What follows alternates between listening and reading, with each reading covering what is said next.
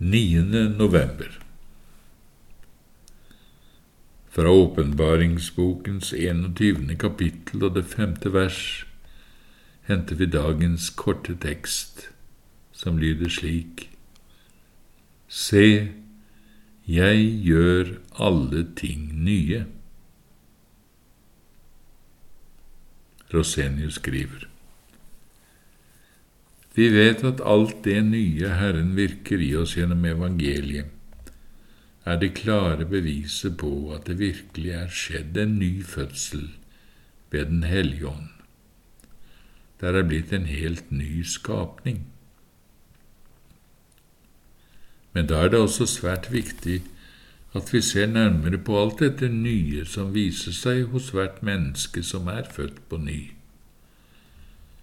Det er ikke bare et nytt åndelig syn og en ny hørsel vi da har fått, men også et helt nytt hjerte, nye tanker. Nå taler og lever vi også på en helt ny måte. Vi har fått et nytt forhold til hele verden. Når vi tidligere så og hørte for eksempel Guds befalinger og løfter, var det likevel som om vi slett ikke så og hørte dem og det på tross av at vi jo anså ordet for å være Guds eget ord. Vi så med øynene hva det talte om, vi hørte det med ørene, men vi oppfattet det liksom ikke. Vi kunne se og høre ord som talte om dommen over oss til evig død og fortapelse, men kunne likevel straks glemme det. Vi kunne ete og drikke og legge oss til å sove, og samtidig mente vi at dette var Guds ord. Nå, derimot, ser og hører vi så det virkelig griper fatt i oss. Vi blir både vekket opp og trøstet.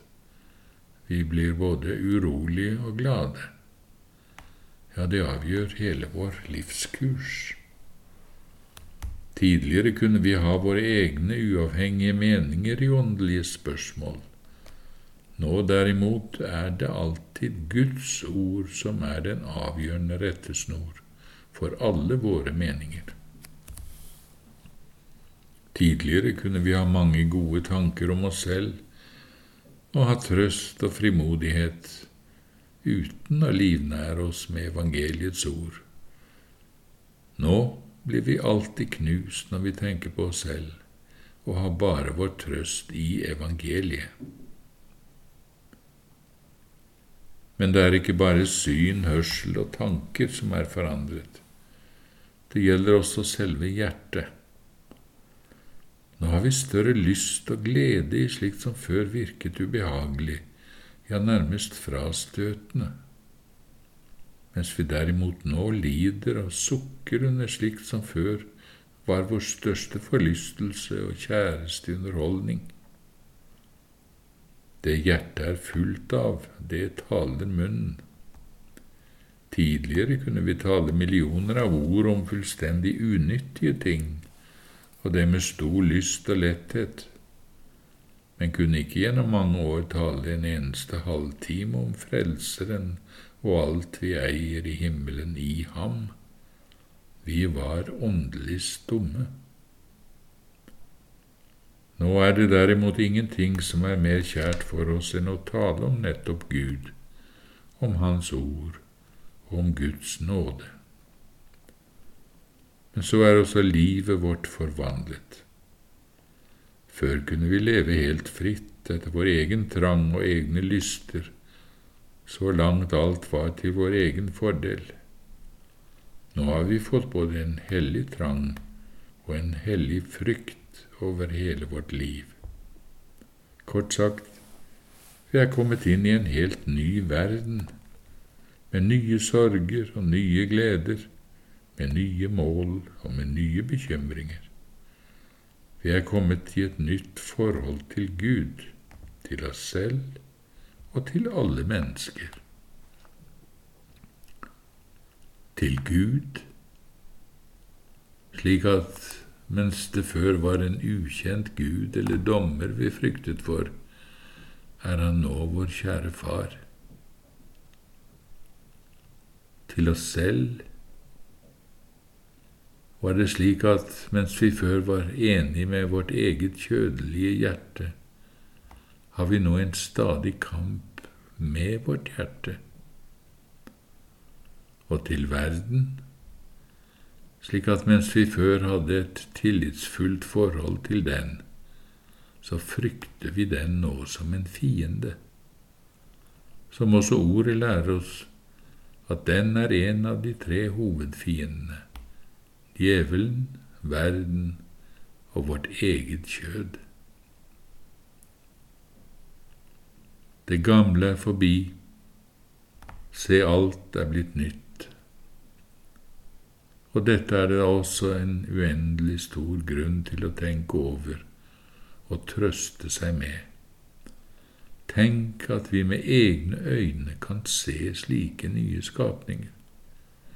Ja, se at selve hjertet må være blitt omskapt, noe ingen menneskemakt i hele verden ville kunne få til. Burde vi ikke våkne opp og lovprise den store, nådefulle Gud som gjør slikt iblant oss? du som ikke har opplevd denne åndelige omskapelsen, men kanskje ser den hos andre, burde du ikke begynne å ane at det er akkurat denne åndelige omskapelsen som er nødvendig for hvert eneste menneske hvis de skal bli frelst.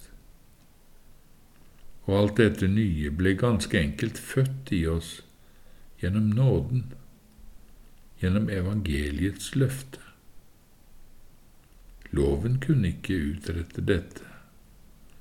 Apostelen spør, Han som gir dere ånd og virker kraftige gjerninger blant dere, gjør han det ved lovgjerninger eller ved å høre troen forkynt? Galaterne 3,5 Nei, det var bare løftet som fødte dette nye i oss, og det akkurat når vi hadde gitt opp oss selv og all vår egen innsats, og derfor kalles vi også med god grunn løftets barn. Og bare disse er da Guds barn, sier apostelen. Det er dette han overalt innbrenter som bevis på at Gud er trofast ut fra sitt ord, selv om de vantro forkaster det for Guds løfter gjelder bare de sanne israelitter, og ikke dem som bare etter kjødet er Abrahams sæd, som det står i 2. Korintiebrev 5, 17. Men om noen er i Kristus, da er han en ny skapning. Og i det første kapitlet i sitt evangelium sier Johannes det samme om Guds barn de er ikke født av blod, heller ikke av kjøds vilje, heller ikke av manns vilje. De er født av Gud.